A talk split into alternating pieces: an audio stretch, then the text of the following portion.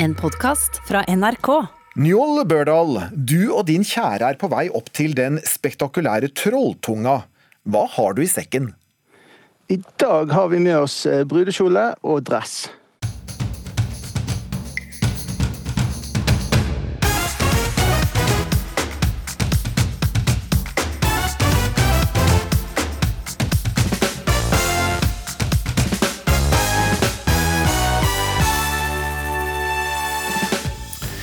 Barn må få tilbud om koronavaksine, sier mammaen som er lei av å vente på at myndighetene skal bestemme seg.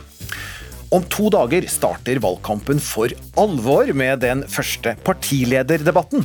Og noen gleder seg mer enn andre. Så ikke bare gleder jeg meg, men da sitter jeg der og, og, og sitrer litt med rødvin i glasset, ja. Mens tidligere Venstre-leder Trine Skei Grande slipper debatten i år og forsøket på å være den morsomste. Knut Arild var alltid bedre enn meg på dette. da. Han hadde alltid tenkt ut noen vitser som passa. Og bli med på verdens første bryllup på Trolltunga, 1100 meter over havet.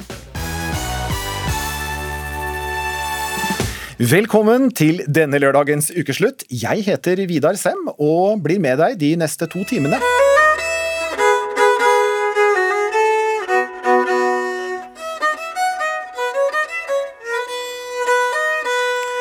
Brudemarsj fra Seljord skal nå ta oss med til Vestlandet og Ullensvang i Hardanger.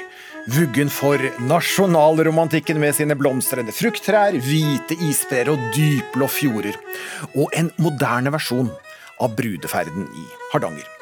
For i dag er brudefølget på en fire timers tur opp på vei til det spektakulære bergutspringet Trolltunga, som henger hundrevis av meter over et vann og ligger 1100 meter over havet.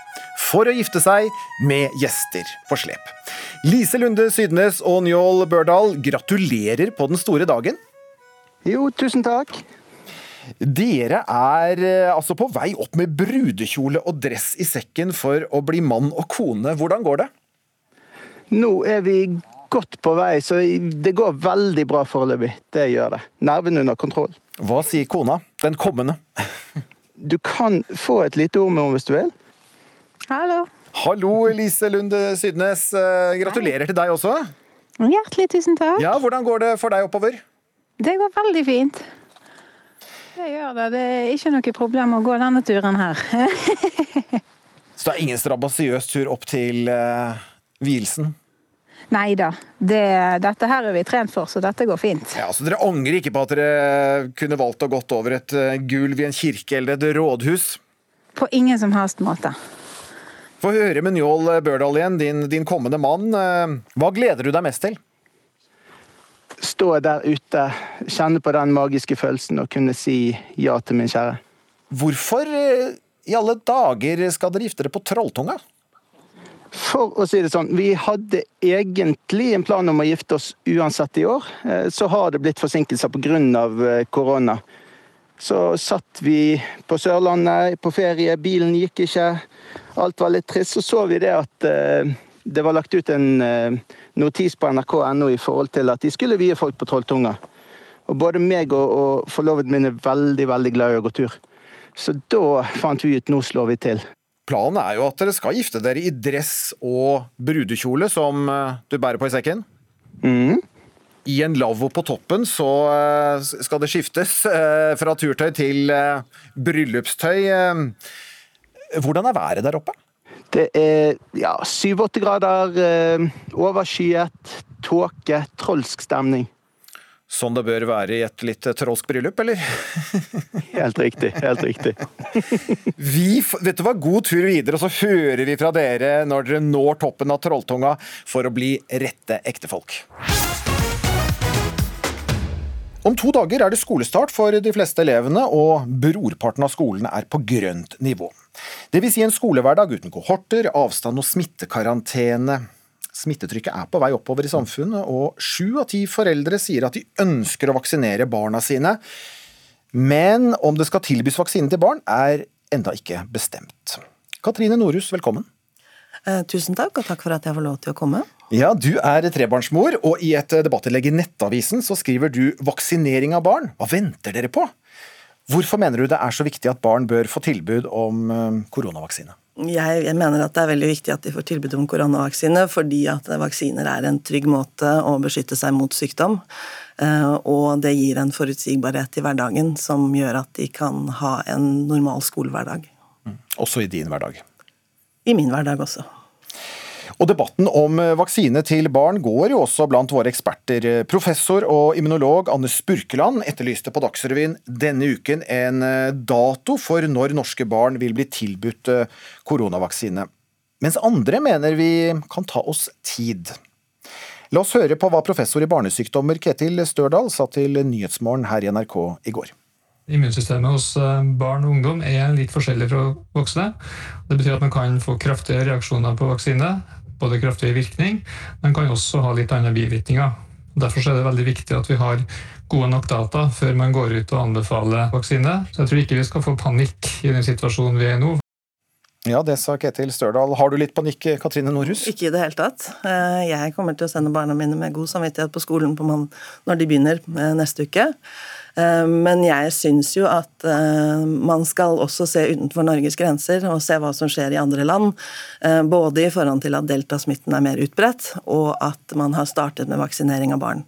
Det ser ut som det er en trygg vaksine i den aldersgruppen hvor den er blitt gjort tilgjengelig, fra 12 til 17 år. Det er millioner av barn som er vaksinert. Jeg tror vi hadde hørt om veldig alvorlige bivirkninger av vaksinen hvis det hadde skjedd, selv om det skjer utenfor Norges grenser. Line Wold, avdelingsdirektør ved Folkehelseinstituttet, velkommen til deg. Så. Takk skal du ha. Ja, Dere gir faglig råd til våre helsemyndigheter og har anbefalt at 16- og 17-åringene skal få vaksine. Men, eh, men, hvorfor har dere ikke kommet med en beslutning enda om dere vil anbefale vaksiner til barn mellom 12 og 15 år også? Ja, Det er fordi at vi, eh, vi, vil gå grundig inn i de dataene og den kunnskapen som foreligger om vaksinering av denne aldersgruppen. Og som vi hørte litt tidligere her, så er det jo sånn at eh, barn eh, reagerer jo litt annerledes på infeksjonen. De er mindre utsatt for alvorlig sykdom enn det de eldre er, og, og kanskje har et litt annet immunforsvar. Altså at immunforsvaret litt, reagerer litt annerledes på en vaksine også enn det de eldre gjør. Så Derfor så er vi opptatt av å gjøre en grundig vurdering av nytte nytten for barna, holdt opp mot, eh, mot, hvilke eventuelle uheldige konsekvenser det kan ha.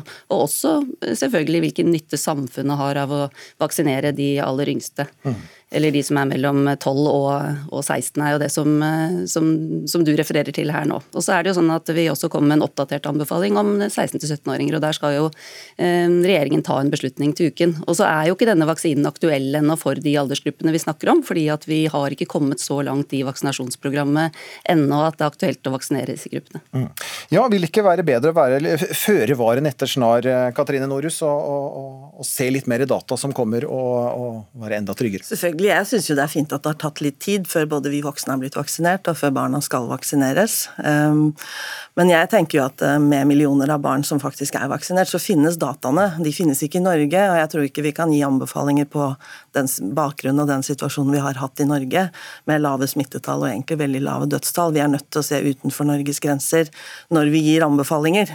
Og jeg forstår også at ikke vi kan vaksinere enda, at ikke alle de gruppene over er vaksinert. Men jeg tror at en beslutning om vaksinering eh, på et nåværende tidspunkt vil gjøre det lettere for folk å følge opp med smitteverntiltak fram til det blir tilgjengelig da, som en gulrot lenger fram. Ja, den gulroten, Linnevold. Mm. Nei, men Det er jo akkurat eh, det som løftes her som vi holder på med. Vi gjennomgår de dataene som foreligger og de erfaringene som man gjør seg i andre land som, som nå holder på å vaksinere de eh, mellom 12 og 15 også. Og da er det jo sånn at eh, Vi ser spesielt på de landene som ligner mest på oss, sånn som f.eks. Danmark, mm. hvor dataene er lett tilgjengelige og er, hvor de har registre hvor de kan koble, og hvor de lettere da oppdager uheldige og sjeldne bivirkninger som kanskje kan være der. Men hvorfor er det slik at Danmark, da, som er, eh, er tett opp til oss, kan, kan gjøre dette her, men ikke vi? nå? Nei, altså nå er det jo sånn at uh, Man vurderer jo vaksiner også ut fra den situasjonen man er i. Uh, sånn at Vi vet jo at f.eks. for, for AstraZeneca så gjorde vi en litt annen vurdering enn en del andre land, nettopp fordi at man er i ulike situasjoner. Da. Så, uh, og så er ikke vi ferdig med å vaksinere ned til 18 år ennå. Dermed så har vi litt tid på å, å gå grundig gjennom dataene og gjøre en vurdering av om vi anbefaler ned til 12 år også. Så, så her har vi litt tid på oss til å gjøre de grundige vurderingene. Mm. Det har jo kommet rapporter bl.a. fra USA om, eh, om, eh, en god del barn som har eh, blitt innlagt på sykehus, også på, på intensiven. Eh, alvorlig eh, covid-19. Ja, hva er størst fare for barn da? Long covid eller alvorlige bivirkninger etter vaksine?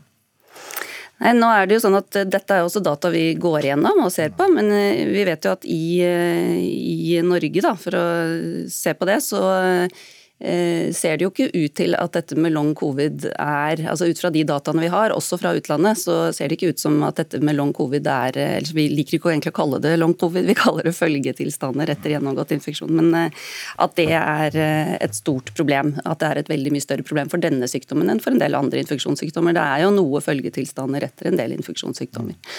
Og når det gjelder alvorlighet av sykdommen, så, så vet vi jo at i seg selv at det har vært 29 eh, 000 barn smittet i Norge under 18 år, og så har det vært 125 sykehusinnleggelser. Så det er jo få barn som får eh, et alvorlig forløp og trenger hjelp og sykehusinnleggelse. Mm. Du etterspør eh, en dato, eller at det i hvert fall kommer en avgjørelse her, Katrine Norhus. Hvor lang tålmodighet har du? Jeg tror jo vi må vente på at myndighetene kommer til en god konklusjon her. Eh, men det vi ser er at det er en tvetydighet i kommunikasjonen rundt eh, fordeler for yngre barn som jeg syns er litt eh, vanskelig å forholde meg til. Jeg kan gi et eksempel. Min sønn som er, eh, blir 18 i november, han har fått første vaksine. Og Bjørn Gullvåg gikk jo ut i media i går og anbefalte de som har takket nei til vaksine om å tenke seg om, fordi de har risiko for alvorlig sykdom. Mens hans kamerat, som fyller 18 i mai neste år, han får beskjed om at det er farligere for han å ta vaksinen enn det er å gjennomgå sykdommen. Det er fem måneder som skiller og helt forskjellige argumenter som benyttes. Vi, eh, vi, har jo ikke eh, konkludert ennå for, eh, for, disse yngste aldersgruppene, altså fra 12 til 16 år. og Det vi, det vi sier er jo at, at, vi ønsker å gå grundig gjennom litteraturen, og det tror jeg vi er enige om. Og så er det ikke noen egentlig forsinkelse her i dette, fordi at vi har ikke kommet så langt i vaksinasjonsprogrammet ennå at, at, at, det er aktuelt å vaksinere disse gruppene. Så derfor så, så, har vi litt tid til å gjøre disse grundige vurderingene. Men for de utålmodige her, når mm. tror du at det kommer en konklusjon fra dere? Nei, Konklusjon på, på, om vi skal vaksinere 16- og 17-åringer og når det skal igangsettes, det gjør regjeringen i løpet av august. 12-åringene fra FHI? Ja, 12 Ja, Der eh, har jo vi oppdrag fra Helse- og omsorgsdepartementet for å se nøyere på det, og det kommer vi til å levere oppdrag på innen den tidsfristen som er satt. Og Hvis det ikke blir aktuelt å vaksinere barn, hva gjør du da? Altså, da må vi jo eh, prøve å holde de trygge, eh, i hvert fall så lenge som mulig. Altså, de kommer jo antageligvis til å bli smittet, og jeg tror jo at mine barn kommer til helt fint å komme seg gjennom en koronainfeksjon uten senskader. Eh, men vi vil jo vurdere kanskje da å dra på ferie f.eks. til USA neste år, sånn at vi kan få vaksinert de hvis de da enda ikke er vaksinert. Takk for at dere ble med i Ukeslutt. Katrine Norhus, som også ønsker koronavaksine til sine barn, og Line Wold i Folkehelseinstituttet. Det er mye som har skjedd med mektige menn denne uken. Guvernøren i New York, Andrew Cuomo, gikk av som følge av anklager om seksuell trakassering. Men noe som kanskje har vært vel så stor snakkis, er at dronning Elisabeths sønn prins Andrew også denne uken ble saksøkt for å ha forgrepet seg seksuelt på amerikanske Virginia Giuffre. Dette er jo ikke første gang vi hører henne komme med anklager mot eh, prinsen. I et intervju fra 2019 på BBC fortalte hun at prinsen skal ha hatt samleie med henne da hun var 17 år. Hør på dette. It didn't last very long, the whole entire procedure. It was disgusting. Um, he wasn't mean or anything, but he got up and he said thanks and walked out, and I sat there in bed, just horrified and ashamed. Han reiste seg opp og sa takk, og jeg satt der i sengen livredd og skamfull, sa Jeffrey, som den gangen uh, hun mener at prinsen skal ha hatt altså, sex uh, med henne. Uh, og dette er hva prinsen hadde å si om anklagene. Do you remember her? No. I, I, I have no recollection of ever meeting her. Um, uh, I'm almost, in fact, I'm convinced um, that I was never in trance with her. There are a number of things that are wrong with that story. Jeg har ingen erindring om henne, det er mye som er galt med denne historien, svarte prinsen tilbake i et intervju i eh, BBC. og eh, Bakgrunnen for søksmålet er jo ikke nytt siden pågripelsen og senere dødsfallet av den eh, styrtrike finansmannen Jeffrey Epstein, som var siktet for menneskehandel og overgrep mot flere unge jenter, så har det kommet frem en rekke hendelser i offentlighetens lys som skal ha skjedd i regi av Epstein og hans makker Ghislaine Maxwell. Gry Blekastad Almås, NRKs korrespondent i London. Hva er siste nytt om dette søksmålet mot eh, dronning Elisabeths andre sønn? Det siste konkrete er vel at nå har London-politiet sagt at uh, også det vil gå gjennom denne saken på nytt. Det, det har de gjort to ganger tidligere. Uh, men forskjellen på det og søksmålet i USA er jo at uh, han potensielt kan straffeforfølges hvis politiet finner noe som tilsier det. Mens saken i USA er jo en sivilsak som først og fremst handler om erstatning og oppreisning da, for Jufrey. Ellers så melder britiske medier nå at prins Charles, tronarvingen, også har tatt turen opp til dronningens slott Balmoral i Skottland, der eh, prins Andrew selv er, sammen med ekskona og en av døtrene sine. Og dronningen er også til stede der.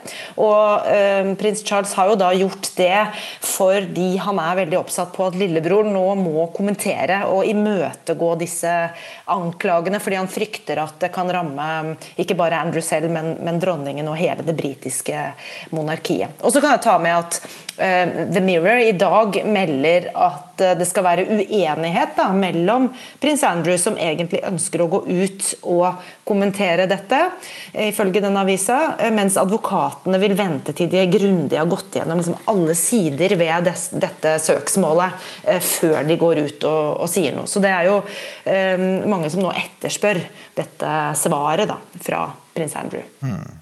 Hvem har britene størst tillit til, da? Prinsen eller Jeffrey? Jeg tok en liten sånn uformell eh, eh, undersøkelse utenfor Buckingham Palace eh, her om dagen, og eh, ingen av de jeg snakket med da, eh, tror på hans uskyld. Eh, men vi skal jo huske på at han hele veien har benektet å ha gjort de tingene han er anklaget for. Og det er også de som stiller spørsmål ved om det er økonomiske motiver bak selve søksmålet, selvfølgelig. Men Eh, hans popularitet, eh, altså prins Andrews popularitet, er jo på et lavmål. Og da disse anklagene ble kjent, og dette intervjuet som vi hørte et klipp av, ble sendt på BBC for to år siden, så, så var det vel bare 6% av det britiske folk som, som trodde på hans versjon av dette. Mm. Karoline Vagle, du er på plass her i studio, kongereporter i eh, Se og Hør. Hvor høyt opp på skandaleskalaen havner dette søksmålet i monarkiets historie, mener du? Du, i, i, nåtid i hvert fall så vil jeg si at det er høyt høyt oppe på skalaen. Det er veldig veldig, alvor, altså veldig alvorlige anklager som må behandles på eh, korrekt vis. Eh, og selv om han er kongelig, så, så kan han ikke komme unna med eh, det han beskyldes for å ha gjort. Vi vet jo, som Gry sa, ikke enda om Altså, han er jo ikke dømt, og, og, og han har jo nekta for det sjøl, men, men, men, det er en eh, sak som må tas svært alvorlig. Mm. Han har jo blitt kalt for, for partyprinsen Randy Andy. Hva slags prins eh, har han egentlig vært? Eh, ja, eh, han har vært glad i damer, nettopp dette Randy Andy. Han er også karakterisert som en eh, litt arrogant prins, en som eh, syns at hans tittel på en måte skal medføre en del goder. Eh, han har gjort mange ukloke avgjørelser eh, underveis, hatt kontakt med en del korrupte eh, personer rundt omkring, og rett og slett vist døm, dårlig dømmekraft i mange, mange år. Mm. Som Gry Blekastad Almås sa, så har altså prins Charles eh, meldes å ha kommet eh, dit Andrew er nå. Eh, kongehusets tilstedeværelse der, dronningen også. Eh, og hun har jo hatt eh, mange tøffe år. I 2020 eh, så trakk jo barnebarnet Harry og hertuginne Meghan seg tilbake fra øverste hold i, i kongehuset. I april så døde ektemannen hennes, altså Philip, og så, så kom jo dette søksmålet. Vet noen hvordan hun takler dette? Dronninga er jo kjent for å aldri eh, vise følelser offentlig, og vi vil nok aldri høre hvordan hun egentlig har det, men det er ikke noe tvil om at hun har hatt eh, nok et annus horribilis, som hun kaller 1992, for det har vært tøft. Og det har vært Det her er faktisk det som kalles for favorittsønnen hennes, som står eh, i veldig, veldig hardt vær. Så jeg tipper at hun eh, har det vanskelig. Eh, og er sikkert veldig usikker på hvordan de skal løse den situasjonen her, fordi at eh, det er ikke noe man bare kan la være å kommentere og stikke under en stol, som de ofte velger å gjøre. Mm. Det er som sagt et søksmål, eh, det er ikke kommet lenger enn det, eh, og etterforskning. Men uansett, hva slags fremtid har prins Andrew? Allerede for når han ga dette intervjuet til BBC i 2019, så måtte han jo gi fra seg alle kongelige plikter. Han kom rett og slett så dårlig ut av det. Eh, sånn at vi har jo sett han svært lite eh, det siste eh, halvannet året, og jeg tror ikke vi kommer til å se han noe mer. Det sies at han sannsynligvis kanskje må da gi fra seg sine militære titler, som jo har vært veldig viktig for ham. Og han antas ikke å bli sett på offisielle kongelige jubileum, som f.eks. til neste år, når mora skal feire 70 år på tronen. Men Gry Blekastad Almås, eh, ja, eh, er det aktuelt at han ender opp i en rettssal? Ja, det er jo umulig å si før denne saken får gå sin gang, men eh, jeg ser at det skrives på lederplass i eh, The Guardian for eksempel, at dette er en mye mer alvorlig sak enn de andre krisene som kongehuset har vært igjennom. Eh, og at man i hvert fall ikke overlever eh, dette ved å skyve det under teppet. Det må håndteres.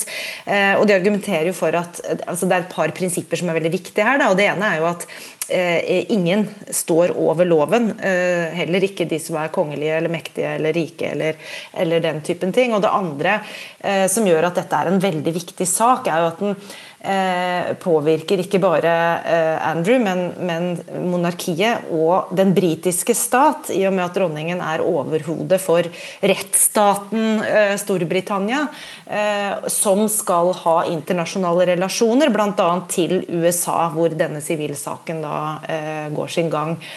Og så er det ventet at saken kan komme til å ta opptil to år.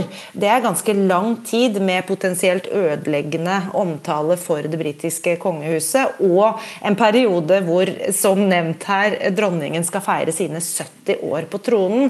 En begivenhet som jo eh, Buckingham Palace i hvert fall ønsker skal være en, eh, en kun en positiv eh, feiring, som da kan komme til å overskygges av dette. her. Så det har ganske alvorlige implikasjoner, og ikke bare for prinsen personlig. Mm. Og Så venter vi jo da på om det, det, det kommer et svar fra, fra prins Andrew og hans advokater på, på, dette søksmålet. Takk skal dere ha, Gry Blekas Almås, vår korrespondent i London, og Karoline Vagle fra Se og Hør. Nå skal det handle om sorg. Og det å sørge med og uten håp om et liv etter døden. 4. juni i år så døde Lars Christian Gylver av kreft. Kunstneren ble 55 år gammel. Tilbake sitter hans kone gjennom 35 år og tre barn på god vei inn i voksenlivet. Noah Gylver, velkommen. Tusen takk. Du er et av Lars Kristians eh, tre barn, yngstemann i søskenflokken og 19 år. Hvordan har de siste drøyt to månedene vært for deg uten din far? Veldig vanskelig å beskrive. Eh, det er så vanskelig å ta inn over seg når noe så overveldende skjer, på en måte. Eh, så det går jo veldig baner. Noen dager så tenker jeg ikke på det i det hele tatt. Andre dager så er det liksom Sitte inne og grine en hel dag. Mm. Vi har blitt kjent med deg gjennom flere reportasjer i sommer, eh, også her i NRK. For du dokumenterte siste året din far levde gjennom en rekke bilder som har blitt til en utstilling. Ehm, det var din far som ønsket en slik dokumentasjon. Ehm, hvordan har eh, den dokumentasjonen påvirket din sorgprosess? Jeg Altså, jeg tror ikke helt at eh, terapi er løsningen for meg. Eh, og jeg sliter veldig med å sette ord på ting og snakke ordentlig ut om det. Så hele dette prosjektet har blitt litt min måte å prosessere hele situasjonen på. Og ved å gjøre det om til en jobb eller et prosjekt, så fikk jeg den på en måte profesjonelle avstanden til hele situasjonen. Som gjorde at jeg kunne se på det med litt mer objektive øyne. eh, Og ha en litt mer analytisk tilnærming til eh, sykdommen. Sunniva Gylver, eh, velkommen til deg også. Takk for det. Du er nå hos mor, og var altså gift med Lars Kristian i 35 år.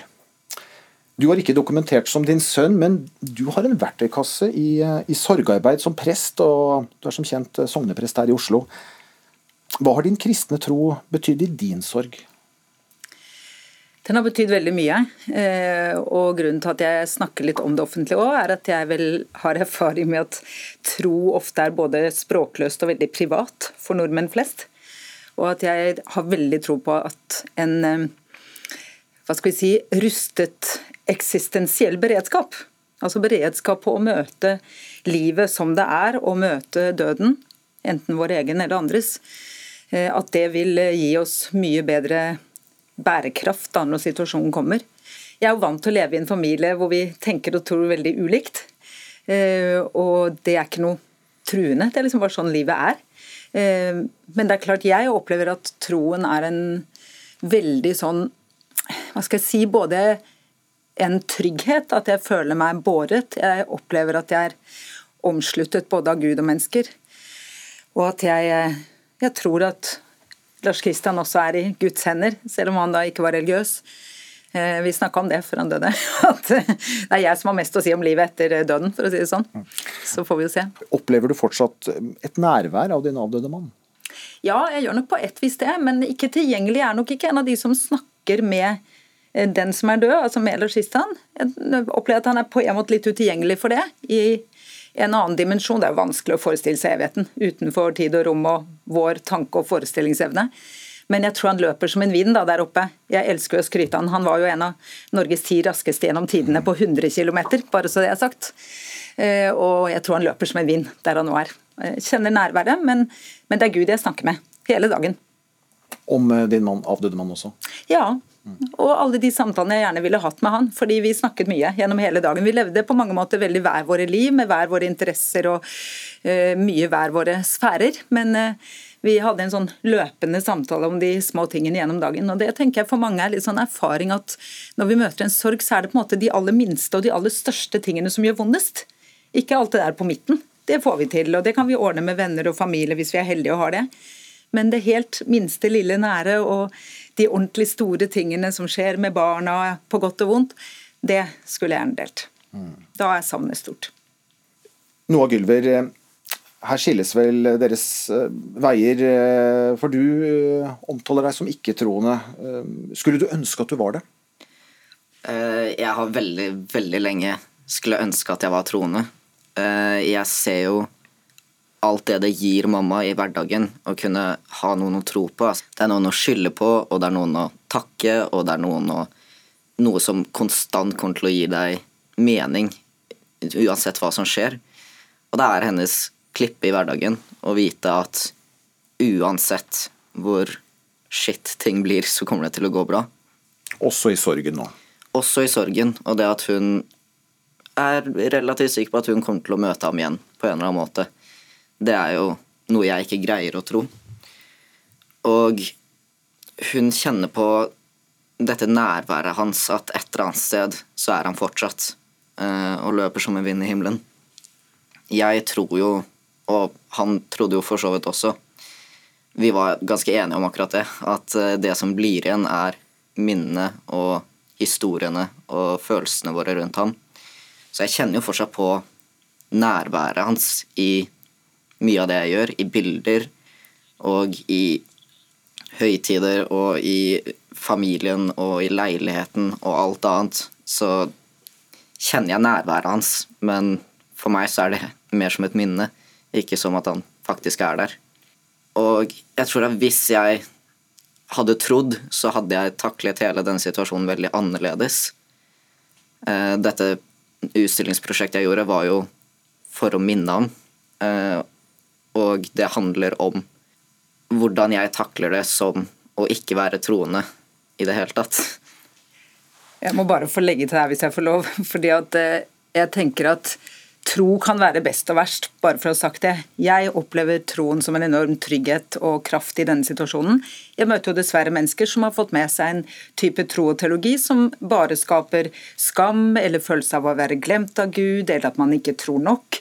Så man skal ikke idyllisere tro. Altså Alle livssyn kan både være gode og dårlige i møte med døden. Og det andre jeg tenker i forhold til det Noah sier med prosjektet Noah, eh, Pappa var jo ikke redd for å dø, det sa han mange ganger, men han var redd for å bli glemt. Eh, og det er jo noe av det jeg syns er så fantastisk med det du gjør. At eh, du bidrar til at pappa i enda større grad blir husket av enda flere som den eh, fantastiske mannen han var. Så tusen takk for det. Hvordan deler dere sorgen da med ulik tro? Altså, mamma er absolutt den jeg snakker mest med eh, rundt alt dette. Du har jo lang erfaring eh, som sørgepress og sparepartner. Og det er veldig lite vi er enige om eh, når vi snakker. Selv om vi står i akkurat den samme situasjonen og vi går gjennom det samme, så gjør vi det på veldig forskjellige måter. Eh, men jeg føler fortsatt at når jeg snakker med deg, så altså, du er åpen nok til at det ikke er noe problem å på en måte snakke rundt både død og sorg og tro og ikke tro uten noe problem. Vi er jo litt like òg, Noah, for vi er litt sånn deler sorgen vår med Norge, og så gjør vi oss ferdig med den. Skal jeg si, vi er jo ikke ferdig, da. Vi kommer jo til å leve med den. Ja. Men jeg tenker også at, eh, at det er et eller annet med at det ikke er farlig, som du sier, og det skal jeg ønske at kanskje flere får oppleve. At vi kommer til å ha stadig flere familier her i landet med ulik tro og ulik livssyn på kryss og tvers, og som også møter sorgen. Og det å da, eh, tenker jeg som foreldre, så er den viktigste oppgaven vår å elske unga våre herfra og inn i evigheten, eller hva vi nå tror på. Uh, uansett om de deler vår tro og vårt livssyn eller ikke. Din mann Lars Kristian eh, var heller ikke troende. Er det utfordrende at du lever i håp om en fremtid eh, som han ikke så? Altså, du vet, Det kommer jo veldig an på hva slags teologi du har. for det er klart at Hvis jeg på en måte var overbevist om at alle som ikke tror som meg på Jesus, kommer til helvete, så ville det jo være en enorm stressfaktor. Og det er klart En god del troende mennesker har jo en, en veldig sånn sterk opplevelse av det. Eh, jeg har tenkt at jeg må bare si at altså, Det står mye om livets to utganger i Bibelen. Det er et alvorlig spørsmål hvem og hva vi lar være Gud i våre liv. Eh, men jeg må bare overlate det i Guds hender. Heldigvis. Jeg er ikke Gud, så Gud må vær så god ha en plan B. Eh, og så tenker jeg at den som lever og dør, får se. Takk for at dere ble med i Ukeslutt og delte med våre lyttere om sorg og ja, et ulikt syn på, på, liv etter døden. Sunniva Gylver, prest, og, og mor til Noah Gylver, som også var med her. Takk, begge to. Lise Lunde Sydnes og Njål Bjørdal er ett av seks brudepar som i dag har tatt en rundt fire timer lang gåtur opp til Trolltunga i Ullensvang i Hardanger for å gifte seg med brudekjole og dress i sekken. Og det er første gang det skjer en vielse der. Ordføreren han er kommet i helikopter for å foreta det rituelle. Og om litt så skal vi høre hvordan det er å stå på bergutspringet som stikker ut rundt 700 meter over Ringdalsvannet, og bli rette ekte folk. Men nå skal det handle om valgkamp. Om to dager så er det klart for den første partilederdebatten, og med det er valgkampen for alvor i gang, med en masse valgsendinger fremover, også her i NRK. Så politikerne er klare, vi journalister er klare, men hva med folket? Ukeslutt sendte reporter Synnøve Svabe ut for å lodde stemningen. Klar for valgkamp, eller? Ja. Skal du sitte klistret nå som debattene ja, ja, ja, ja, ja, følger debattene? Ja, selvfølgelig. Hva er du liksom gleder deg til når du da tar trykket på fjernkontrollen, kjør debatt? jeg vil ha, gjerne se at det er noen som jeg føler er styringsdyktige og er villige til å styre seriøst, og ikke bare med falske løfter om morgendagen og beskyldninger om gårsdagen. Jeg følger ikke med på debatter. Fordi det blir liksom skyttergravsargumentasjon. Om folk er klar for valgkamp, det vet jeg ikke helt. For jeg føler kanskje at det kommer veldig nære ferien, for å si det sånn. Åh? Jeg er litt sånn Jeg skal på ferie igjen, så jeg kommer Er valget rundt 10.9. eller et eller annet sånt? Jeg skal på ferie igjen, så jeg liksom tenker ikke over valgkamp. Du er mest opptatt av solkrem? Jeg er mest opptatt av solkrem, egentlig. Det er litt stas i stua? Ja, valgkamp er stas. Ja, ja, ja absolutt. Ja, jeg, altså, jeg har sånn politisk fot at eh, når valgkampen er i gang og når, når, debattene kommer i fjernsynet, så ikke bare gleder jeg meg, men da sitter jeg der og, og, og sitrer litt. Med rødvin i glasset, ja. ja. Jeg skal la være å ta den rødvinen når Ropstad er der. Og så fort kommer den fram igjen når SV og Venstre er der. Hm. Vi skal til Arendal for mange bedrifter, og ikke minst politikere. Og så får vi legge til journalister. Teller ned timene og minuttene til mandag. Da sparkes årets Arendalsuke i gang. Og reporter Jon Gellius, du er på plass midt i Arendal sentrum. Hvordan preges byen av at det om to dager blir en politisk mingleplass? Ja, det skal jeg si deg. Her er det allerede begynt å bli folksomt. Sola titter akkurat fram etter at eh, tordenvær og styrtregn feide over byen for eh, en kort tid siden. Nå er det hektisk innspurt. Eh, telt er satt opp, boder er på plass, og landsdelens vakreste dame den er til og med ankommet, nemlig Fullryggen Sørlandet. Så Arendal er klar. Her jeg står på NRKs flytende scene midt i pollen. Og I år så har jo Arendalsuka tiårsjubileum. Hvordan vil det markeres? Ja, det blir ingen spesiell markering av selve jubileet, men dette tegner til å bli Norges største arrangement i år. Det er 900 eh, ulike aktører som har planlagt 1088 ulike arrangementer. Og så er det snakk om 138 utstyr i tillegg. Så alt er jo nå på plass etter hvert i løpet av helga. Og dette er jo tilpasset litt i år pga. smittevernsituasjonen, selvfølgelig. Det blir større avstand, færre publikummer per arrangement og en del digital overføring. Og så vet vi jo her i byen at alle hotellene er utsolgt. Restauranten har kalt inn ekstramann skaper. Og det blir ikke bare en politisk tumleplass, men også en vrimleplass, som du sier, i den kommende uka. Takk for den rapporten, reporter Jon Gelius. Om to dager så er det altså klart for partilederdebatt i Arendal. Og straks her i ukeslutt så skal du få høre om luredebattriks som politikerne bør få med seg. Valgkampen er i gang, og det ventes mange diskusjoner fremover. Og om to dager er det altså duket for partilederdebatt i Arendal. Men hvordan vinner man egentlig debatten? Ukesluttsreporter Filip Johannesborg gir deg oppskriften, men først et lite historisk gjenhør. Kan jeg få ordet en liten stund? Ja, du skal gjerne. Du skal, vi skal ta tiden, vet du, ja. så det går bra, det der. I gamle dager var debattene slik at alle partilederne fikk lik tilmålt taletid. I dag er dette foreldet. Men det er mange andre ting å tenke på. Her får du ukeslutts oppskrift på hvordan du skal vinne debatten. Vi begynner med ingrediensene. Du trenger minst én stykk debattant, helst to, men hvis du vil heve temperaturen ytterligere, trenger du tre. For hver debattant tilsetter du minst én kommunikasjonsrådgiver. Rådgiverne kan også sløyfes, men det er på eget ansvar. Skill så debattantenes meninger fra hverandre med en programleder, slik at ikke alt blir rør. Når debattantene er ferdig grillet, kan du la dem hvile før du topper det hele med en politisk kommentator. Utstyr ham gjerne med et par terninger. Husk at råvarene også må være av god kvalitet. Vi begynner derfor med vinneren av partilederdebatten under Arendalsuka i fjor, nemlig avgått venstreleder Trine Skei Grande. Nei, jeg håper kanskje at jeg er både litt morsom og at jeg prøver å holde meg saklig. Det ønsker jeg i hvert fall å være. Men det er jo ikke alltid man klarer det, for man eh, blir jo ofte litt følelsesmessig dratt med, og da er du ikke alltid på ditt beste. Som tidligere leder for et lite parti gjelder det å engasjere publikum når du først får ordet, gjerne med en vits. Så du skal klare å utmerke deg i et bilde der, eh, der veldig mye er sagt når du kommer til ordet. Og da er det alltid sånn at hvis folk kan dra litt på smilebåndet, så funker det. Men eh, Knut Arild var alltid bedre enn meg på dette. da. Han hadde alltid tenkt ut noen vitser som passa.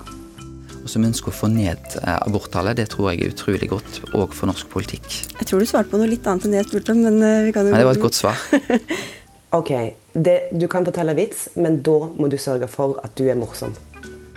Neste debattant ut er avtroppende stortingsrepresentant for Arbeiderpartiet, Jette Christiansen. Mitt aller beste debatt triks er å ha rett. Eh, da er det en veldig stor sjanse for at du vil vinne debatten. Og hvis du ikke har rett, så har Kristiansen andre råd. Hvis ikke du setter deg inn i saken og kan den nok, så må du avlyse. Eh, fordi da er du ikke klar til å gå i den debatten. Så enkelt er det bare. Jeg syns faktisk at kanskje det viktigste rådet er at folk må være seg sjøl og vise fram engasjementet sitt. Tredje debattant ut er Inga Marte Torkelsen fra SV, som også har konkrete tips. Eh, å puste med magen. Liksom få, gjerne le litt for deg sjøl, for da kan du få litt endorfiner, og så slapper du litt bedre av. Og så er det viktig å skrive ned hovedpoenget ditt og de tingene som du syns er aller viktigst å få fram. Eh, og ikke still med høye hæler hvis du skal stå og du har lett for å skjelve litt i beina. Det er også et råd. Det var debattantene. Og før vi dykker ned i rådgiverne, kan du høre hvordan det kan gå uten hjelp fra sidelinjen. Men nå er det, nå er det altså ikke Stig Andersens profesjonelle liv. Skamme deg. sånn Skamme deg. skulle. Ris på rumpa. Vi skulle bare hatt ordentlig ris på rumpa, så blir det sånn mørkerød. Det er det skulle du vært. Ja, ja, men du, tenk på deg selv, da, kjære. Tenk på deg selv. Ja, du, når du liksom forteller om La meg snakke ut nå, da. Når du forteller om Nerdrum-museet, så skal du stå på toppen og servere I slike situasjoner kan en kommunikasjonsrådgiver være kjekk å ha. Jan Erik Larsen er rådgiver i PR-byrået Kruse Larsen, men på 00-tallet var han Jens Stoltenbergs høyre hånd. Veldig mange av eh, de debattene er forberedt opp gjennom årene, og der eh, mine uh, sjefer, og særlig min viktigste sjef, statsministeren, Jens Stoltenberg, framsto som slagferdig og spontan, så var det jo ofte ting vi hadde tenkt ut på forhånd, hvis anledninga uh, bydde seg. Larsens beste tips ja, det er å holde seg til planen. Uh, og ikke bli frista til å følge alle de trådene som andre begynner å nøste opp, for da, da ender man opp med ikke å få si det man sjøl syns er viktig å få sagt. Man blir bare en kommentator som kommenterer. Og I dette landet må dere faen meg ta dere sammen og forsøke å føre en debatt på en ordentlig måte. Jeg mener, For det første så syns jeg, siden dette ikke er TV, at uh, publikum burde få greie på at du nå kasta noe på meg. Ja, jeg kastet en papirkule ja, på deg. Det har du faen meg fortjent. Ja, og det er mulig. Og det er fortsatt ikke pent og ikke dannet. Så det kan skje veldig mye rart inni et debattstudio. Og med det så har vi kommet frem til programlederen. I dag representert med NRKs egen Sigrid Solund. Det hender jo ofte at folk kommer med beskyldninger eller angrep som man ikke er forberedt på. Og det er kanskje noe av det vanskeligste å takle som debattleder. Men også programlederne kan bli utsatt for visse skitne debattriks. Det har jo hendt at noen har sagt et eller annet eh, rart rett før vi går inn i studio, f.eks. Sånn at jeg blir ganske satt ut. Eh, altså en slags fornærmelse eller et eller annet uh, veldig underlig som, som, gjør at jeg da skal bli mindre på vakt, og som sikkert også har fungert iblant. Ikke bare mot meg, men jeg har hørt ganske rare historier uh, fra andre programledere også om ting som har blitt sagt rett før rødlyset går på. Og når rødlyset går av igjen, trer de politiske kommentatorene frem. Politisk sjefredaktør i Trønderdebatt, Snorre Valen, har ett råd til alle som vil vinne debatten. Vet du hva, Det tror jeg som regel er å ikke ha som mål å vinne debatten. Valen utdyper. Hvis du er veldig opptatt av å vinne debatten, så blir du fort for aggressiv. Da blir du fort ufin med motstanderen. Uh, og det tar seg ikke alltid veldig godt ut.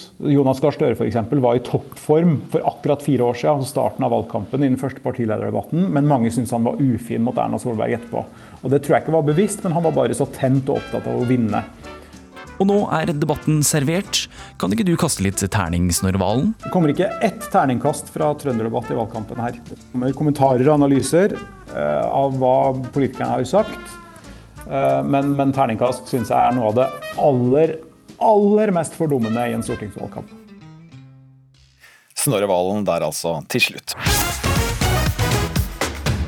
Nå skal vi til den spektakulære fjellformasjonen Trolltunga i Ullensvang i Hardanger. Spente brudepar har i hele formiddag tatt beina fatt og gått i timevis for så å kunne skifte fra turtøy til bryllupskjole og dress. Og vi snakket jo med et av parene. Reporter Lidvar Sandven, du er på plass. 1100 meter over havet, altså på Trolltunga. Kan du beskrive utsikten der du står? Ja, Det har vært ganske fint vær eh, store deler av dagen, men akkurat nå så kommer det en liten byer. Men det er veldig fin utsikt likevel. Det ligger, ligger skodda trolsk over Ringedalsvatnet, 600 meter eh, nedenfor her. Og det er et par, eh, par lysglimt i horisonten, så det er et syn for guder her på Trolltunga i dag som de fleste andre dager. Ja, Den henger jo der over vannet. Er, er, det, er det noen som får litt høydeskrekk av å, å, komme seg helt opp dit? Eh, da vil jeg absolutt eh, anslå. Spesielt nå som det regner litt og litt sleipt, så må det bli ekstra påpasselige. Mm. Mens du og ordføreren som skal stå for, for vielsen i dag, tok helikopter, så har brudeparene tatt bena fatt altså på en flere timers tur. Men nå hører jeg at to av de seks brudeparene som eh, skulle gifte seg der oppe, har trukket seg. Hva har skjedd? Nei, Det ene var et svensk par som fikk problemer på grensa. Og det andre de vi ikke helt hva som skjedde med. De fikk, eh, fikk i hvert fall beskjed i går om at de hadde, hadde trukket seg. da. Men eh, fire par og, og via, det er vel eh, nok da, Roald? Ja da, fire par er nok. Og nå er det norsken, svensken og dansken. For det er eh, alle de tre nasjonalitetene. Og på sånne turer til 1100 meter så må du uansett regne med litt svinn. Ja, dette er jo en idé som kom til i 2017, og nå fire år senere så står du endelig der. Hvor, hvor spent er du i dag? Nei, Dette er fantastisk. Eh, vi har gledd oss veldig til dette. og Dette blir verdenshistoriens første bryllup på Trolltunga. En del har forlova seg her tidligere, men nå eh, blir dette en kjempefest. Og vi skal servere lokal eh, plommekompott som er laga i går med plommer fra Hardanger. Vi skal drikke sider, som er en sånn brura-sider. da eh, bryllupssider. Og så skal vi ha det som vi noen ganger kaller brurasteik, men som jeg pleier å kalle for hakkasteik, som er lokal og god eh, hardangermat. Og så skal vi ha potetkaker osv. Så, videre. så her blir det hardangerbryllup eh, anno 2021. Eh, ja, hvordan skal vielsen foregå her nå? da? Skal du bare stå utpå der og ta imot de som kommer, eller? Ja, nå skal jeg klatre ned på Trolltunga, da, og så skal jeg gå ut uh, sånn at jeg står med ryggen mot avgrunnen, holdt jeg på å si, eller vannet. Og så skal da Sara skal spille hardingfela når da parene går ut til meg. Så Det første paret da, som er de danske, kommer ut til meg, og så gjennomfører jeg der en vanlig vielse. Og så blir det kyssing da, ikke sant. Og så Eh, skal de da eh, få et glass eh, sider ute på tuppen der, som de skåler i. Og så er festen i gang, og så kommer de tre andre parene etterpå. Ja, ja for du har jo vært med på litt ulike vigsler nå. Sier jo de, du fikk lov til å gjøre det, skal jeg si. Både i i Sri Lanka så har du via noen, og du har dykkerlappen for å vie folk. Er det, er det, en, er det en sånn sær hobby du har, å vie folk på løgne plasser? Nei, Det kan jo bli det nå, da. Men eh, jeg er vel kanskje den eneste som har via noen eh, via Skype på ei strand i Sri Lanka. da. Men eh, vi har mange fantastiske plasser her i Hardanger så folk kan gifte seg. Og eh, jeg tror at dette blir den eh, foretrukne plassen å gifte seg i framtida. Alle kjenner brudeferden i Hardanger og nasjonalromantikken her.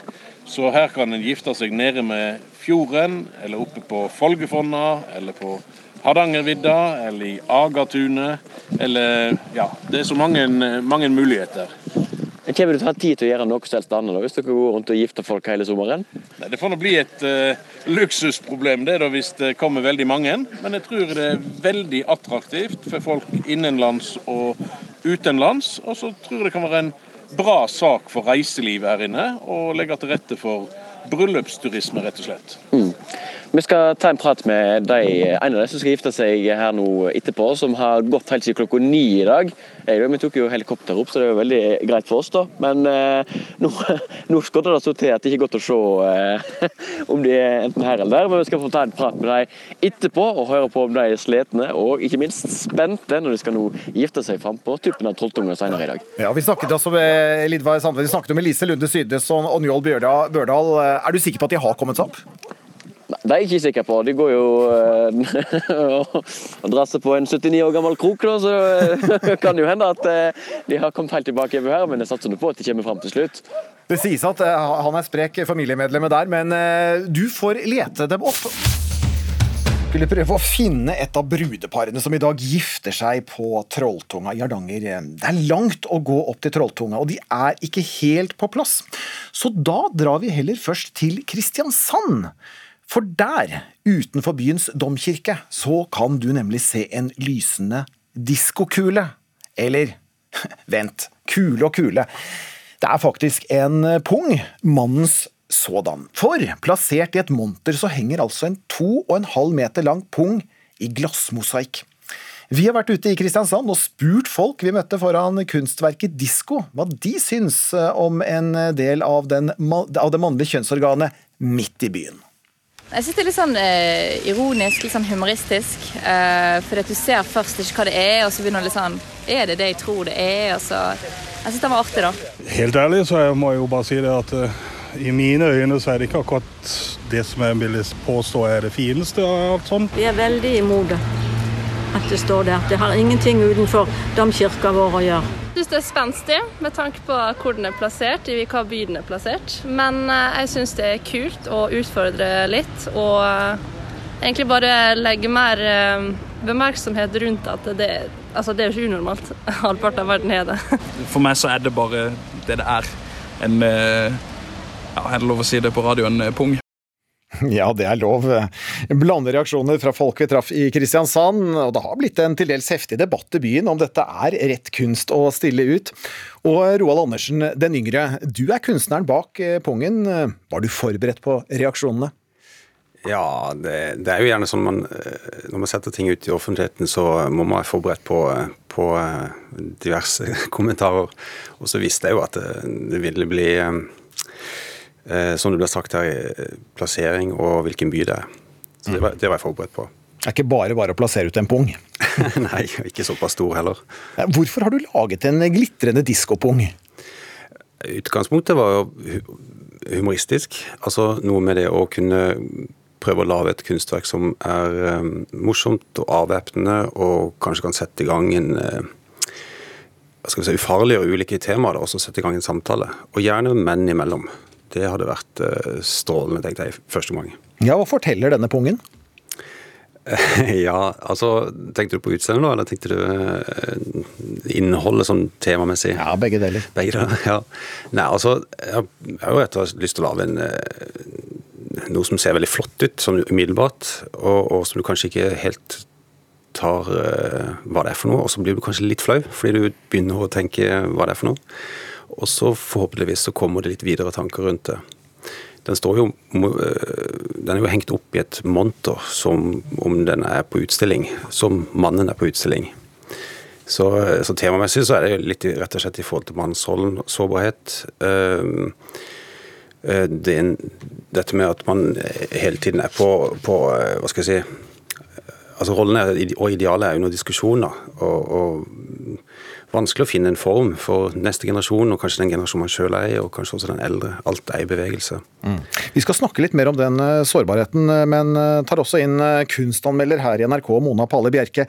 Det er ikke ofte vi snakker om mannens pung som kunst. Er det et interessant motiv? Det syns jeg absolutt at det, det, kan være. For det som er så spennende med pungen, er jo at den både bærer i seg kraft og sårbarhet. Altså Vi bruker jo ordet å ha baller, ikke sant? Eh, som er veldig ladet. Eh, samtidig som det er denne skjøre, kroppslige konstruksjonen med de sårbare testiklene inni denne lille posen av hud. Den strukne huden ikke sant? som har noe veldig sånn skrøpelig ved seg.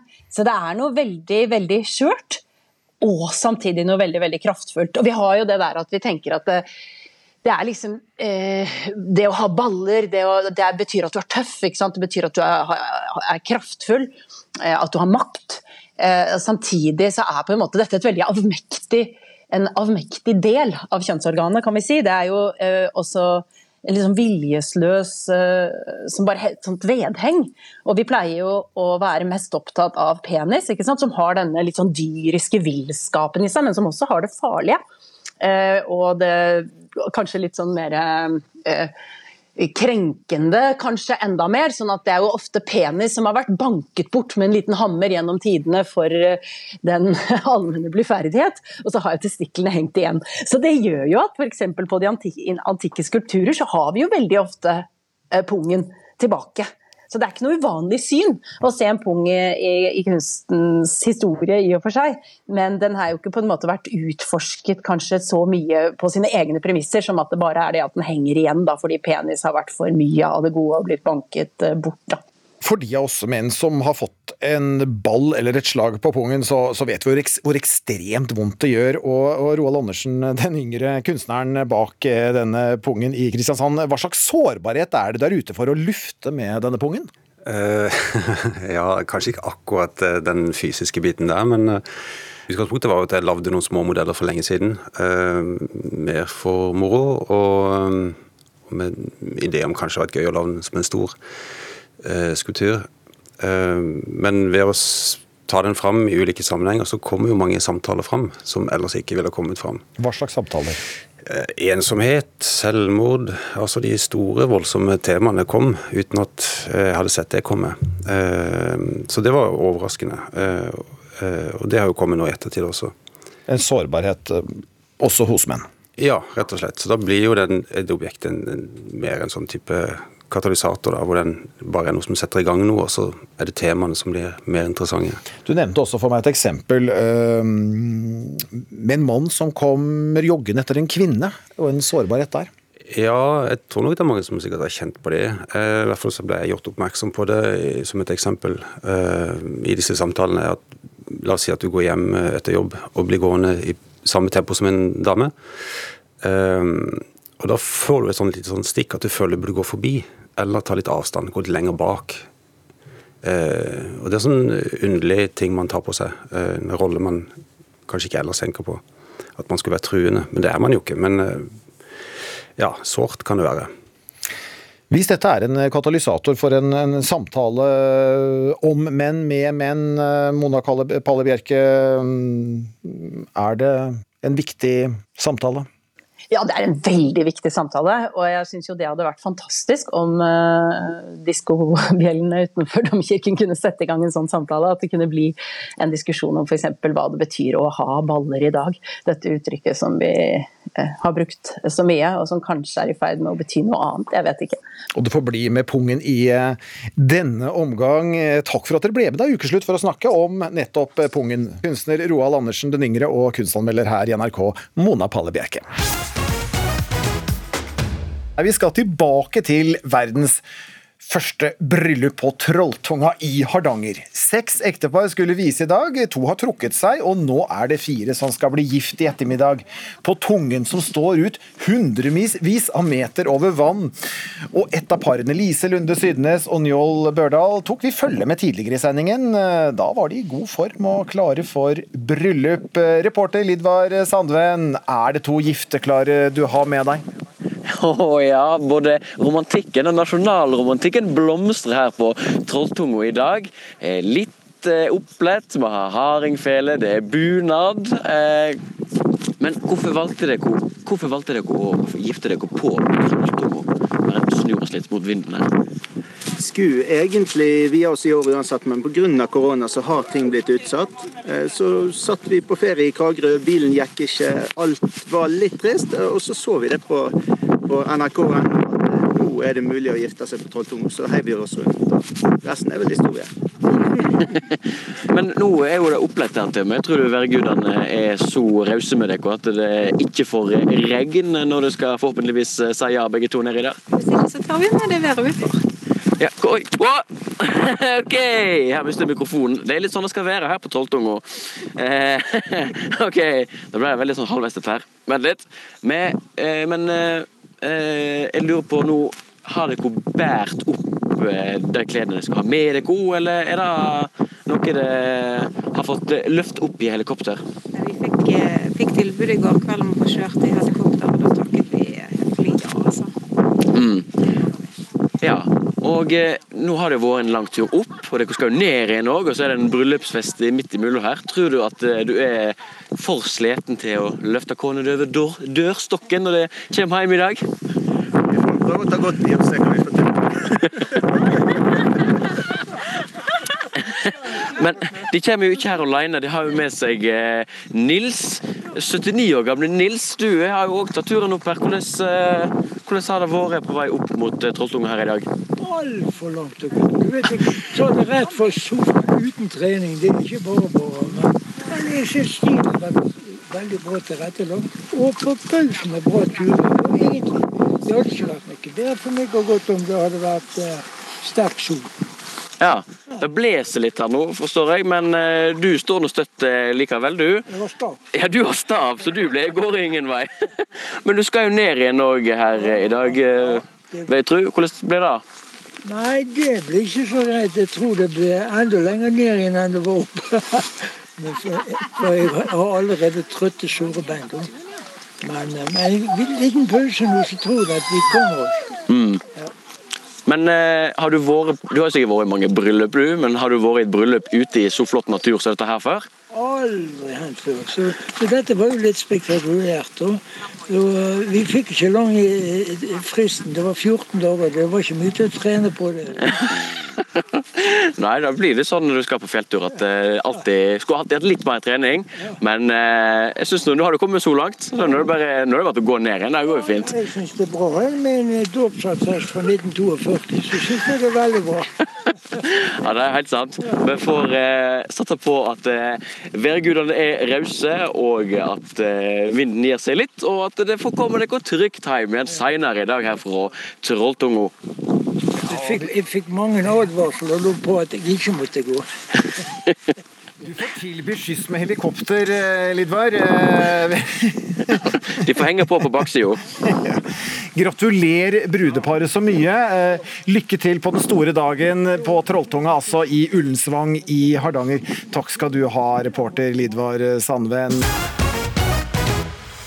Det var denne lørdagens ukeslutt. Ansvarlig for sendingen Kristine Alstad. Teknisk ansvarlig Marianne Myrhol. Jeg heter Vidar Sem. Etter oss kommer Pils. Ha en fortsatt god helg. Du har hørt en podkast fra NRK. Hør flere podkaster og din NRK-kanal i appen NRK Radio.